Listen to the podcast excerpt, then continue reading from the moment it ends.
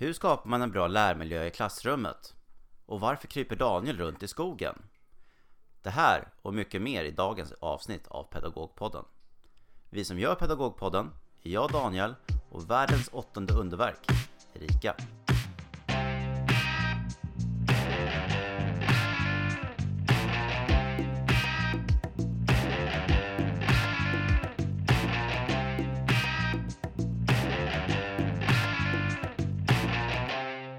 Hej och välkomna till avsnitt 5. Ja, hej! Fem. Fem. Hur skapar vi en bra lärmiljö har vi idag? Exakt. Vi kan inte börja utan att ställa frågan Hur har veckan varit Erika? Ja, och vi kan ju, ja, det vet ju hur jag svarar nu. Det har varit en eh, bra vecka. Eller en medelvecka har det varit. Varför bara medelvecka? Eh, Därför att vi har konstaterat, jag och mina kollegor, att eh, jag undervisar ju bara i år sju, att de har blivit lite varmare i kläderna. De har vaknat till lite. Ja, eller liksom landat eller det här nyhetens behag har gått över eller så. Så att i, ja, där har de börjat testa lite Ah, saker. den är inte jätterolig. Eh, Nej, inte farligt, men, eh, ja, men det passar ju för sig i veckans ämne. Kanske det. Ja, eh, men eh, så att det har varit lite upp och ner. Det har varit i och för sig många bra saker också. Mm. Och sen kanske man själv börjar utan att egentligen ha tänkt på det, börjar man bli lite trött. Det kan också ja, men ligga någonting i det också. Mm. Själv då? Eh, det har faktiskt varit min tur nu att ha orientering. Ja, I, idag. okej. Mm. Alla kom tillbaka? Alla kom tillbaka och inom tidsramen också. Mm. Jag insåg ganska snabbt att jag, det här att bara stå och vänta eh, kommer bli skittråkigt. Ja, Så efter vi skickade iväg de sista så väntade jag två minuter. Så gick jag, jag ut, tog jag startkort och en karta och körde också. ja, Bara för att se. Jag tänker jag kan träffa på lite elever i skogen Mm. och se om jag kan eh, slå dem också. ja, Och jag träffade på ganska många elever i skogen. Jag, jag var tvungen dock att köra den här smygtaktiken så jag inte skulle visa direkt vart kontrollerna var. jaha, hur gjorde du Så jag, jag har liksom krypit runt i skogen, eller inte krypit men eh, försökt vara lite, vara lite kamouflerad och inte haft så jättemycket dialog. Eh, utan mer, ja hej, hur går det? Ja. Och sen sprungit vidare och tagit Ah, kanske li, Mm. tagit eh, ehm, genvägar som blivit senvägar. Ja, Ja. Men eh, jag kom ändå först tillbaka utav alla, utav, trots att de första eh, grupperna hade gått en eh, 26 minuter före mig. Du är nöjd alltså? Ja, jag var ganska nöjd just Ja, då. Speciellt eftersom det var, blev en spurt mot eh, en grupp ur en annan klass. Ja, Sista kontroll, från sista kontrollen till mål, bara extra taggning. Men det var jättekul. Eh, jag vet inte, eleverna fick väl se en, jag tror, ja, som det här med läsning, ins- inspireras av att se att lärare också deltar. också springer och säga ja, deltar. Ja, men det är ju jättebra. Så det var kul. Ja, det var kul. Mm. Mm. Jag har faktiskt haft eh, två roliga saker som har med läsning att göra som har hänt under veckan. Så Berätta. det, ehm, ja, men dels så eh, kanske inte så stort, men sånt där som gör att man som lärare blir lite extra lycklig. Vi jobbade med eh, göra textkopplingar i klassen till den text vi hade läst. Vad innebär det? Textkopplingar, antingen, ja, man kopplar texten till, man kan koppla, göra textkopplingar till sig själv. Då ja, jämför man det man läser med sig själv om man har erfarenheter utav det. Eller så kopplar man texten till annan text, alltså någon annan bok man har läst. Eller så kan man koppla texten till ja, omvärlden, till världen, någonting annat som man har hört om. Som har hänt som påminner om det man läser. Och vi gjorde då textkopplingar till oss själva. Och det var en elev som skrev ett sånt där, ja men en sån här eh, text som gör att man blir lite extra glad. Hon kopplade det väl, väldigt personligt till sig själv utifrån huvudpersonen i boken vi läser. Och man förstod att läsningen har gett henne någonting, ja men det där lilla extra som man vill att läsningen ska ge. Att hon kände igen sig och kände att det finns fler som känner som jag och är som jag. Och jag är inte ensam om det. Och då blir det en sån där stund som jag känner att ja, det är därför jag är lärare. På något sätt. Ja men det, alltså de där, de där stunderna händer inte jätteofta tyvärr och det är så, det är så skönt när det faktiskt gör det. Ja, det är ju det och då blir jag så där lycklig att jag tänker att jag tycker synd om alla som inte är lärare och egentligen Ja. så är ju det svaret på alla som inte jobbar som lärare och som frågar så här, varför blev du lärare? Och ja, men det där är mitt svar. Då, då känner man att man orkar ett tag till. Ja, man gör det.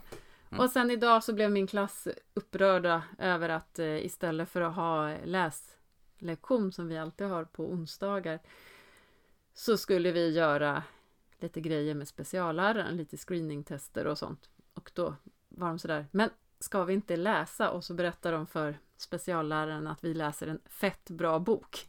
Oj. Och då kände jag också att, ja, han var inte så dumt. Så att, ja, läsning är bra. Läsning är bra. Det Mm. kan vi tjata om i all evighet tror jag. Ja, det är det roligaste man kan göra. Vi återkommer nog till det Ja, vi eh, gör nog det. senare. Men Ja. vi tar väl dagens ämne då. Ja, vi gör det. Vi kör igång. Mm.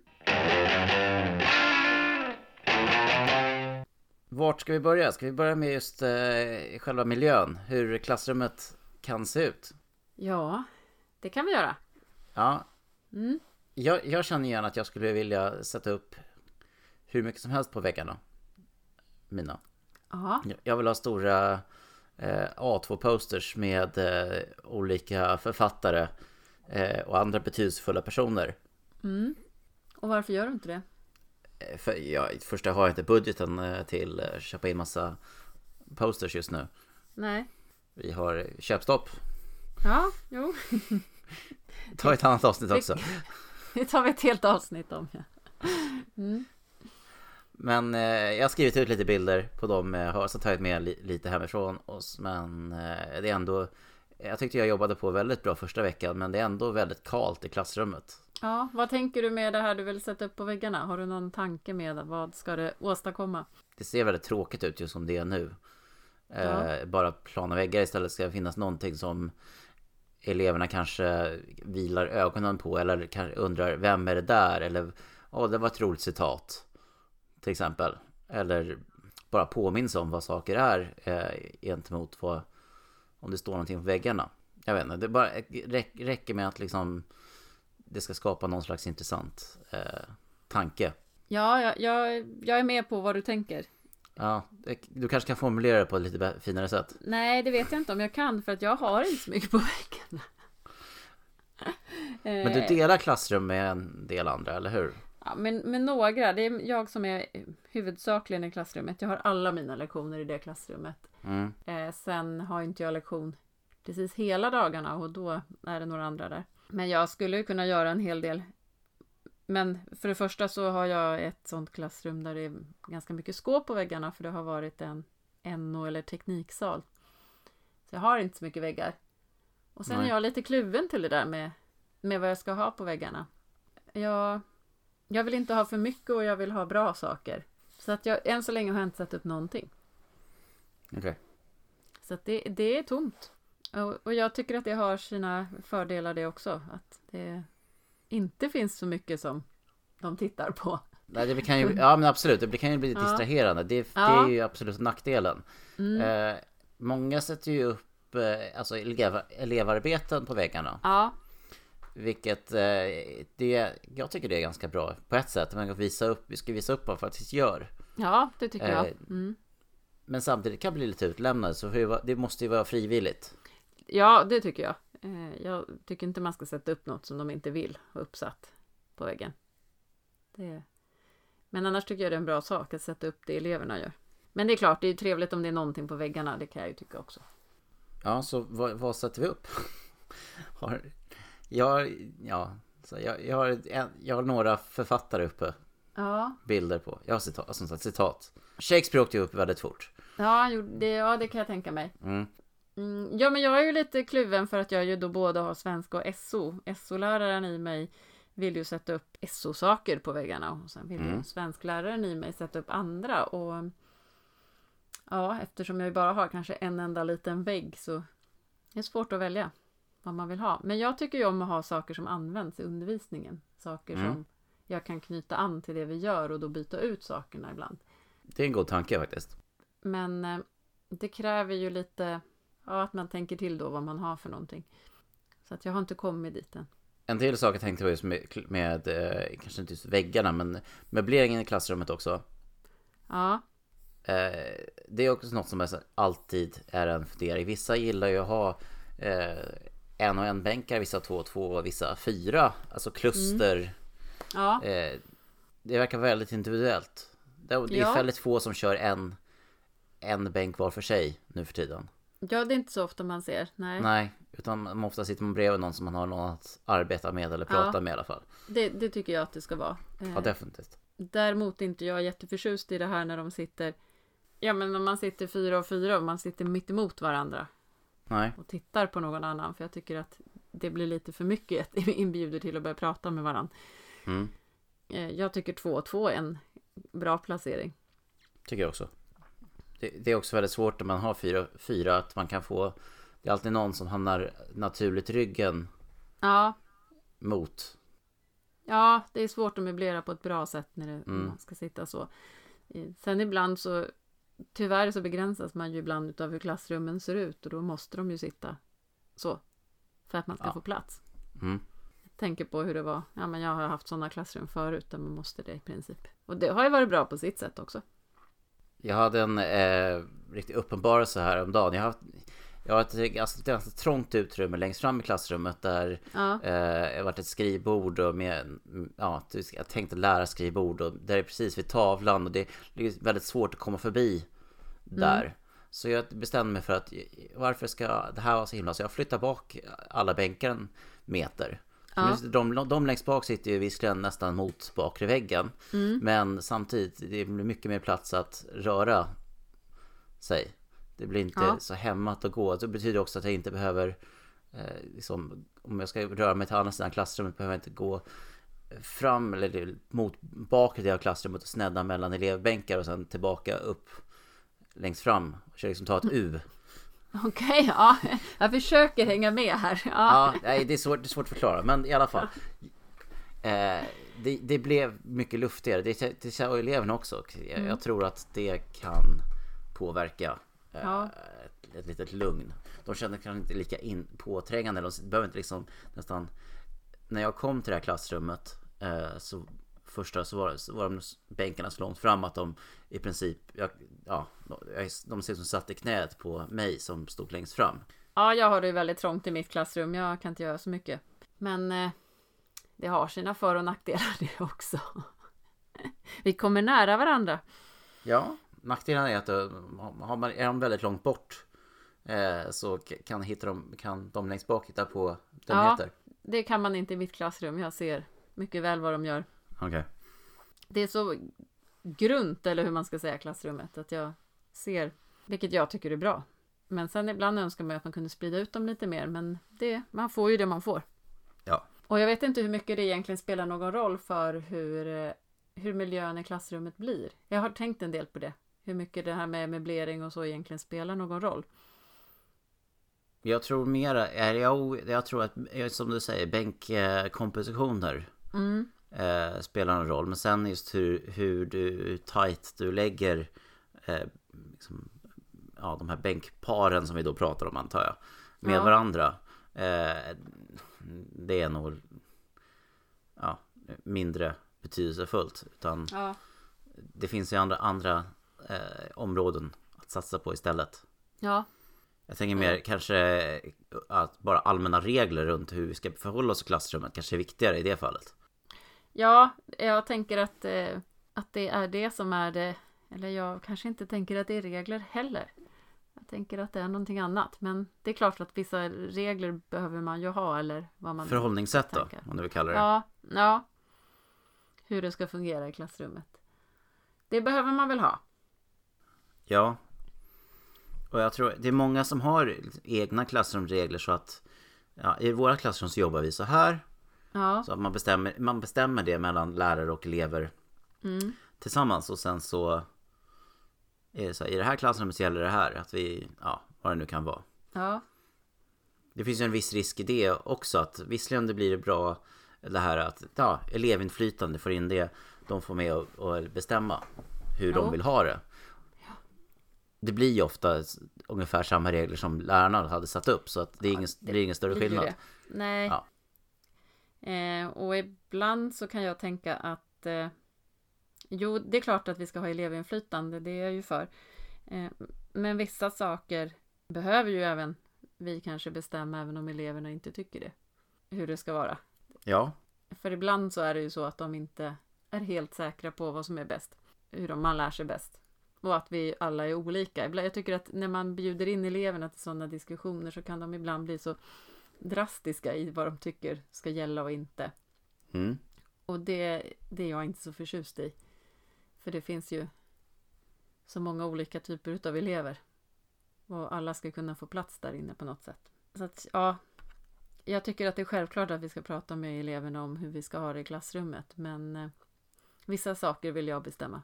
är det någon specifik sak du ville tänk, tänkte på eller? Nej, men jag tycker ofta att det är så att elever är ganska hårda i vad som ska hända om man inte följer reglerna och så vidare. Och det, det tycker inte jag om. Nej, det är bättre att ta det fall till fall. Ja. Eh, situation till situation.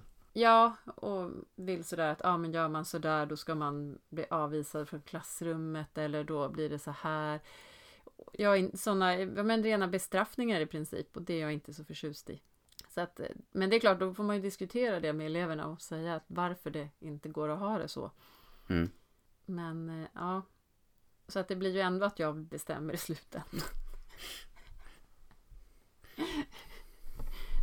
det, så är jag. Det, jag är ju sån. Jag gillar ju att bestämma i mitt klassrum. Du kör någon slags skendemokrati. Nej, jag kör inte ens någon skendemokrati. De tror nog inte ens att de är med. Jag har bestämt att alla vill ha ordning och reda och vill lära sig saker i mitt klassrum. Jag brukar försöka komma till det. Att, att vi är överens om det. Och sen handlar jag utifrån det. Det är våran regel. Här inne Ja, men det är väl arbetar vi och klokt. lär oss. Mm. Ja. Mm. Jag, jag, jag försöker undvika att säga diktatur, men eh,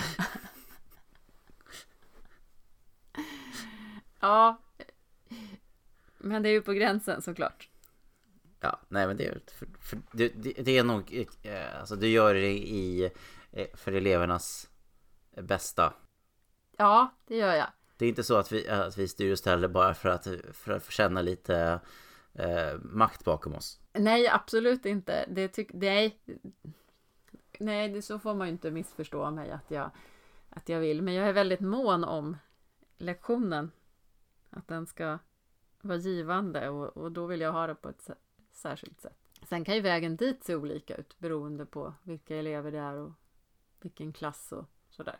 Någonting jag, jag känner också är att lärarens eh, pondus, ledarskap spelar väldigt stor roll för hur klassrumsmiljön kommer att bli. Ja, Har inte eleverna eh, respekt för läraren så Nej. kommer de inte ha respekt för den undervisningen heller. Nej, och det är väl där jag känner att ja, men då spelar det ingen roll hur många klassrumsregler jag än har. Eh, för de kommer de ändå inte följa.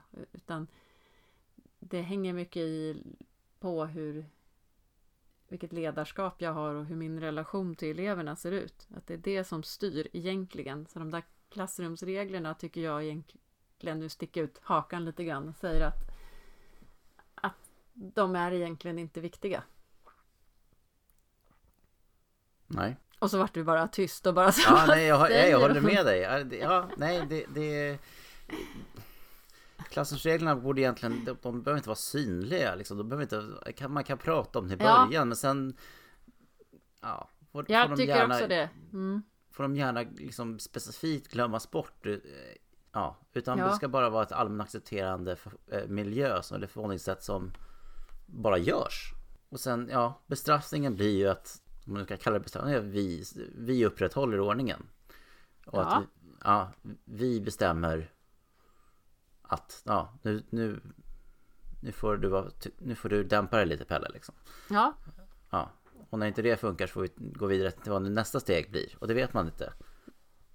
nej, det vet man inte och det kommer vi aldrig veta. Nej. Nej, det är ju det är så svårt. Det här var ett jättesvårt ämne tycker jag för att det går, är svårt att sätta fingret på vad det, vad det handlar om. säga så här gör jag eller så här ska man göra eller Jag tror inte det finns någon, eh, det finns ju ingen perfekt mall, det är väl ganska Nej. Och att det är så otroligt individuellt från lärare till lärare vad som passar den läraren. Att hur man ska vara som ledare i klassrummet. Jag kan ju aldrig kopiera någon annans sätt. Sen kan man ge varandra tips och idéer att så här brukar jag göra, har du testat det? Men det går ju aldrig att bara titta på någon och kopiera. En sån här regel som eh, jag önskar att jag eh, var lite klarare i det är det här, får man arbeta ut, utanför klassrummet? Ja, Eh, och jag är inte konsekvent någonstans utan det är mycket beror på vilken uppgift det är och, mitt, humör, ja, tror jag. ja och ja, där är jag ju ganska istället ganska klar med vad jag tänker. Och där, där är jag också väldigt tydlig mot mina elever vad som gäller. Och jag, även varför jag har den åsikten jag har. Jag är ju, håller ju mina elever i klassrummet en stor del utav tiden. Av flera olika anledningar. Men eh, sen är det klart att de får lämna klassrummet när jag tycker att det finns ett mervärde i att vara utanför klassrummet. Men det är inte så ofta. Nej, jag känner att det har blivit min, mindre av det än vad när Ja. jag började som lärare. Ja, Men då är det ofta så att det är uppgifter som behöver så mycket tidspress att eh, de inte har chansen att sväva ut och göra andra saker. Nej, och, och vid sådana tillfällen så låter jag mina elever också lämna klassrummet. Ja, men mer gruppuppgifter där man behöver prata med varandra och diskutera och jag vet att det här kommer låta så pass mycket att det inte går att sitta alla i ett klassrum. Då delar jag upp dem. Men precis som du säger, då behöver tiden vara så pass äh, att de inte har utrymme att göra någonting annat. För annars så är det ju väldigt lätt att tappa fokus. Mm. Och det gäller ju inte bara elever, utan det gör vi ju alla om vi får en uppgift och så sätter vi oss i grupp någonstans och ingen ser vad vi gör. Då börjar ju vi prata om annat. Ja, Det är inte specifikt för elever, för det, den frågan får man ju ibland från vuxna som säger det, men varför gör de inte det de ska? Men det gör inte vi heller. Hävdar jag. vi människor är sådana. ja, eh, så är det nog. Hur står det i dina klasser förresten? Ja, jag har ju två stycken klasser som jag undervisar och de är 25 och 29. Det är ganska stor skillnad. Ja, det är det. Vad är ett... Finns det, finns det någon optimal siffra på ett klassrum? Antal? På en klass, på hur många Ja. de ska vara i klassen. Jag ty brukar tycka att eh, runt... Alltså, det finns väl kanske egentligen ingenting. Jo, en klass får inte vara för liten. Nej? Och en klass får inte vara för stor. Men någonstans mellan 22 och 27 kanske jag skulle tycka är det. 22, om jag ska säga, om jag får välja hur många elever jag skulle ha i min klass så skulle jag säga 22. Men sen är det klart att det beror helt på vilka individer jag har i den klassen. Absolut. Det handlar ju mycket om sammansättningen och vilka elever jag har. Eh, Det betyder inte att det är att det inte är bra att ha 29 elever i klassen. Man hör ofta att det är sånt som man tittar på, storlek på klass, men jag tycker inte att det är så viktigt. Utan det handlar om andra saker. Ja. Definitivt. Jag tror inte det här eh, ju, mindre klasser desto bättre. Nej, menar, vi har ju båda undervisat i klass på 16. ja, och det var inte lätt. Nej, det är inte lätt. Det räcker med att eh, en fyra borta, vilket händer. Ja, Eh, helt plötsligt sitter du ja, med halvklass. När du då behöver egentligen få, få ja, input från eleverna och det blir... Det blir inte speciellt bra. Nej, nej, jag håller med där. Att, eh, jag tycker att det är, man behöver vara ett visst antal för att få en bra dynamik i gruppen. Också vad du tänker hur man ska, vilka man ska arbeta med, så man kan variera sig och så vidare. Är det för få så blir det hela tiden samma du jobbar med. Och det tycker jag inte är bra. Men sen är det såklart bra att ha halvklass så man kan få ha det ibland. Så Ja, jag tror mer på det, ha en stor klass Mm. sen ha halvklasstillfällen. Ja, det jag till exempel på. Nu, och nu om man har språk med läsning. Jättebra.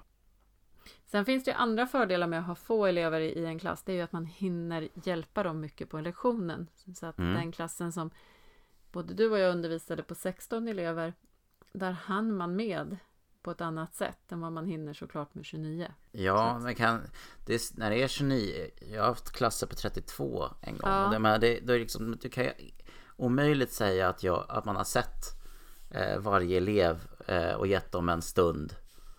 Eh, ja, utan det var, man kan liksom gå därifrån och känna att Vänta, var den eleven ens här? Jo, jag, Ja. jag kollar ju närvaro. Men gick, gick den eleven så? Nej, så, ja. Och det känns hemskt att tänka så, men det blir ju. Mm. Är de för många? Det är helt omöjligt att ge alla eh, uppmärksamhet. Ja. Det är jättesvårt. Ja. Så 30 plus då, då det spricker. ja, jag tycker om man nu ska dra en gräns så tycker jag att det är vid, vid 30. Sen är det klart att vid vissa tillfällen kan man vara det och ha någon form av stor föreläsning. Men om man tänker att det alltid ska vara så går gränsen där. Mm. Det är bara att tänka att man har 40 minuters lektioner eller vad man kan ha och så dela upp tiden då så räcker ju inte tiden. Nej, speciellt med intro och avslutning. Då är det Nej. inte alls... Inte många minuter kvar sen. Men jag tror, men det är viktigt tycker jag att det inte är bättre bara för att man är färre. Jag håller med dig. Du är klok. Ja, du, det, med- du med. Vi, håller ju, vi är ju överens. Ja, då så. Möbleringen har en viss påverkan på klassrumsmiljön och vi känner ju båda att det finns en stor fördel att kunna ha, ha någon att sitta med och Ja. eh, bänkparen är en oftast en tillgång.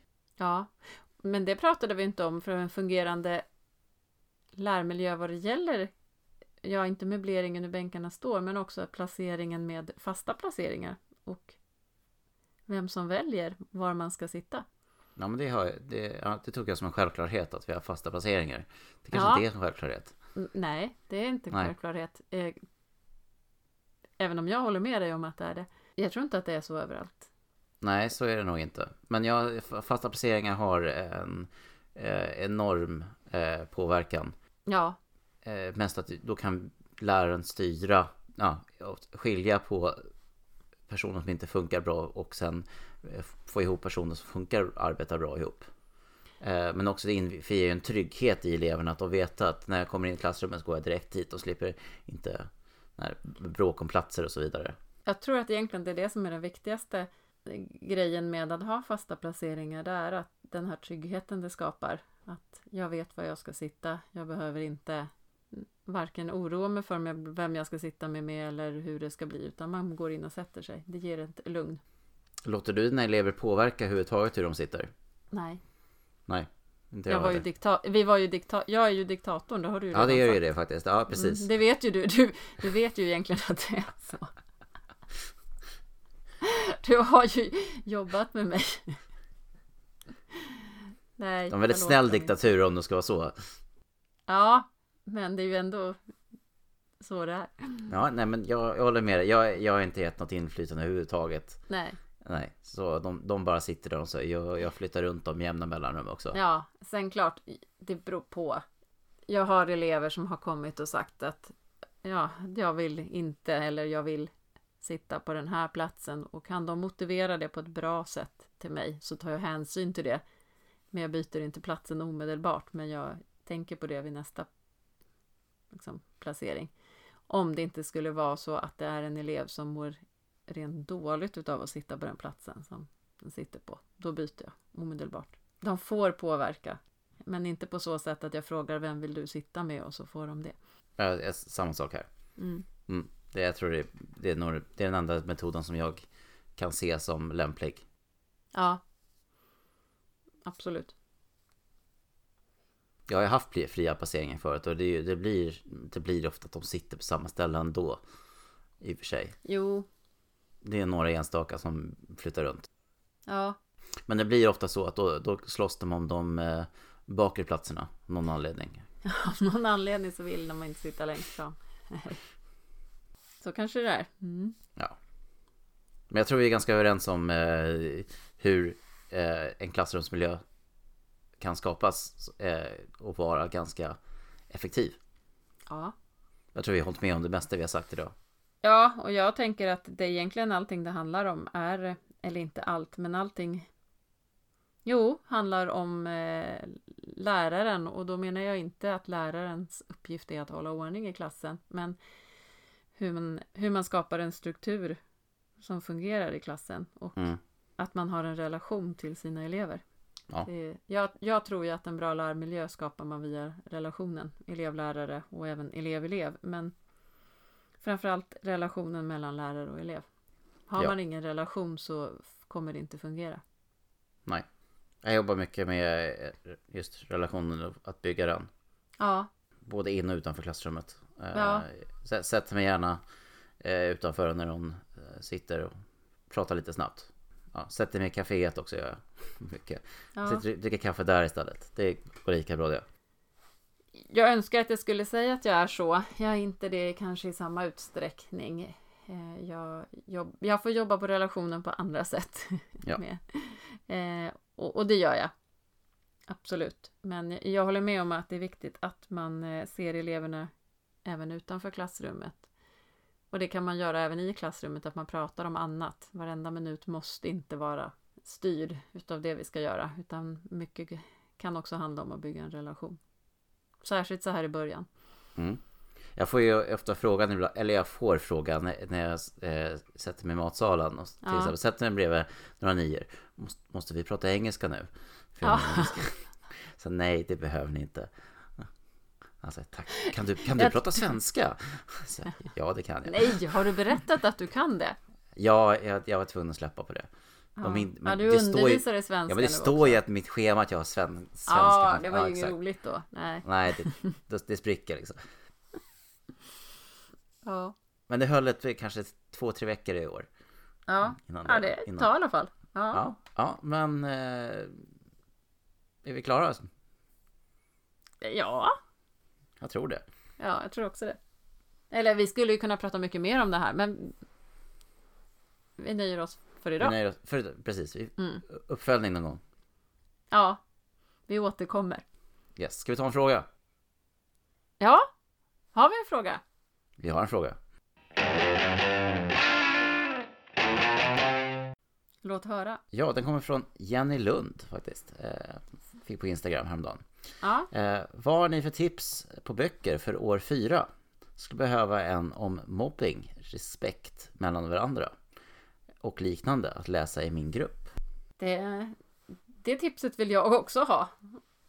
Ja, jag gjorde ju då eh, det att jag bollade vidare den till Ja, eh, Jenny, vår läspedagog. Mm. Som, vi, som vad var bra gjort. Ja, Ja, tack. eh, och hon nämnde ju faktiskt eh, handbok för superhjältar i podden. det. när hon var det här. Mm. Och eh, ja, fortsatte att ja, hylla den. Mm. Så det var egentligen hennes första tips. Men även eh, nämnde Äventyrsveckan eh, av Sofia Nordin. Eh, Linn Hallbergs Kompisboken, Bästisboken, Svikarboken, Kärleksboken. Ja, men de har jag, jag glömt bort. Ja, de tipsen kan jag också skriva under på. Så det finns, det finns böcker och säkert om man eh, kontaktar Jenny så kan hon hjälpa er med mer tips. Ja, Ja. Särskilt på temat mobbing respekt. Ett viktigt Ja. ämne. Mm. Det, det, fast det tänker jag vi kan prata mycket mer om en annan gång. Ja, det kan vi göra. Ja, hitta Jenny eh, på Instagram under LAS-pedagogen. Eh, jag tänkte också just hur man kan, hur man kan jobba med det, kanske i eh, äldre åldrar. Ja, Eh, och fick eh, tanken på en gammal dikt utav Elsa Beskow. oj, ja. Mm. Herr Tomat. Har du hört? Den har jag, nej, jag tror inte det. Känns inte bekant i alla fall. Inte titeln. Låt Då ska du få höra den nu nämligen. Ja, mm. Eh, du må tro att herr Gurka blev något till flat när han första gången fick se herr Tomat. Och herr Pumpa som låg där på bänken helt lat ropa häpen nej så tocken utländsk krabat. Men små fröknarna persilja, dill och salat stod och krusa och nego så blitt för tomat. Och fru Rödbeta viskade till fru Spenat. Tänk vad grann det ska vara att ligga på fat. Då blev rättikan svartsjuk och brumma. Dumt prat. Sånt där utländskt patrask duger aldrig till mat. Men tomaten han gick där, förnäm och kavat. Och han hälsade och sade, mitt namn är Tomat. Eh, och en räds rädisepojk och hans otygskamrat började springa i hälarna på herr Tomat och de gjorde sig kvicka och skrek god mat. God mat, god mat, herr Tomat. Det var den. Ja, Från... Nej, den- Eh, eh, det är en, sån här, det är en gammal dikt, eh, 1916. Eh, var med ur eh, Görans bok. Eh, och egentligen är det ju en... Eh, om man börjar analysera så... Jag tolkar den som en... Eh, ja, en stor eh, liksom antirasist ja, eh, eh, dikt. Men det är min ja det gör jag också. Jag min med, jag har inte hört den förut så det var första gången. Men eh, absolut, jag håller med om det. En bra dikt. Det är, den, den är fin.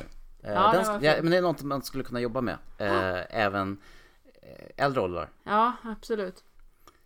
Det blir vårt tips för idag, eller ditt. Okej, ja det får bli så. Jag har inga tips idag. Eh, men då så. Mm. Då säger vi tack för idag. Slut för idag.